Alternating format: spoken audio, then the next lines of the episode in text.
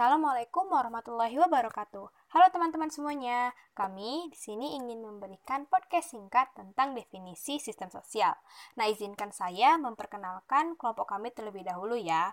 Nah, saya Nur Safar Ramadhani, ada Vidya Romauli, ada Fitriyah Nur Hasanah Mandai, ada Dewi Ayu Lestari, ada Lin Ashifa, dan ada Ledita Fardila Wijaya.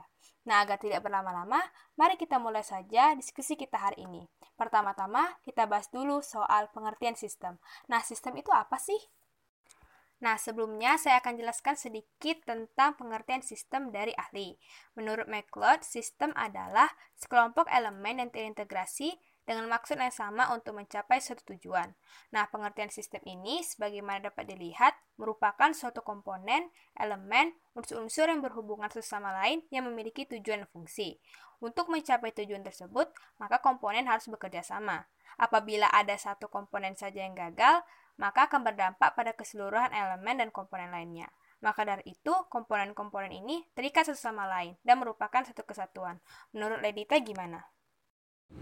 Nah, kalau menurutku sih sistem itu persamaan kata dari struktur, pola, jaringan atau susunan gitu yang berarti sekumpulan atau serangkaian yang saling berkaitan satu sama lain. Yang jika salah satu sistem itu mengalami kerusakan, nah maka akan mempengaruhi sistem yang lainnya. Contohnya gini, jika salah satu anak dari sebuah keluarga mengalami kerusakan moral dan tingkah laku, berarti sistem dalam keluarga tersebut telah rusak Mungkin saja ayah, ibu, atau kakak-kakaknya tidak dapat membimbingnya untuk bertingkah laku baik, atau saja ayah, ibu, dan kakak-kakaknya juga sudah mengalami kerusakan moral, sehingga anak tersebut ikut juga terjun ke dalam moral yang rusak. Oke, kalau menurut aku sih memahami definisi sistem yaitu sebagai satu kesatuan yang saling berkaitan satu sama lain. Apabila ada satu yang salah atau tidak sesuai dengan yang kita inginkan, maka semua akan salah atau terkena dampaknya. Contohnya seperti tubuh kita. Ketika kita sakit perut misalnya, maka tubuh kita yang lain akan bereaksi dan membuat kita tidak nyaman pada tubuh kita. Itu diakibatkan karena ada komponen di dalam tubuh kita yang sedang tidak baik. Nah, kalau menurut Vidya, komponen apa yang terdapat pada sistem Pada sistem juga terdapat komponen material dan imaterial, di mana komponen material adalah komponen fisik atau yang tampak, sedangkan komponen imaterial komponen yang tidak tampak seperti peraturan, norma, dan lain-lain. Nah, kalau sudah tahu pengertian sistem, lalu bagaimana definisi dari sistem sosial?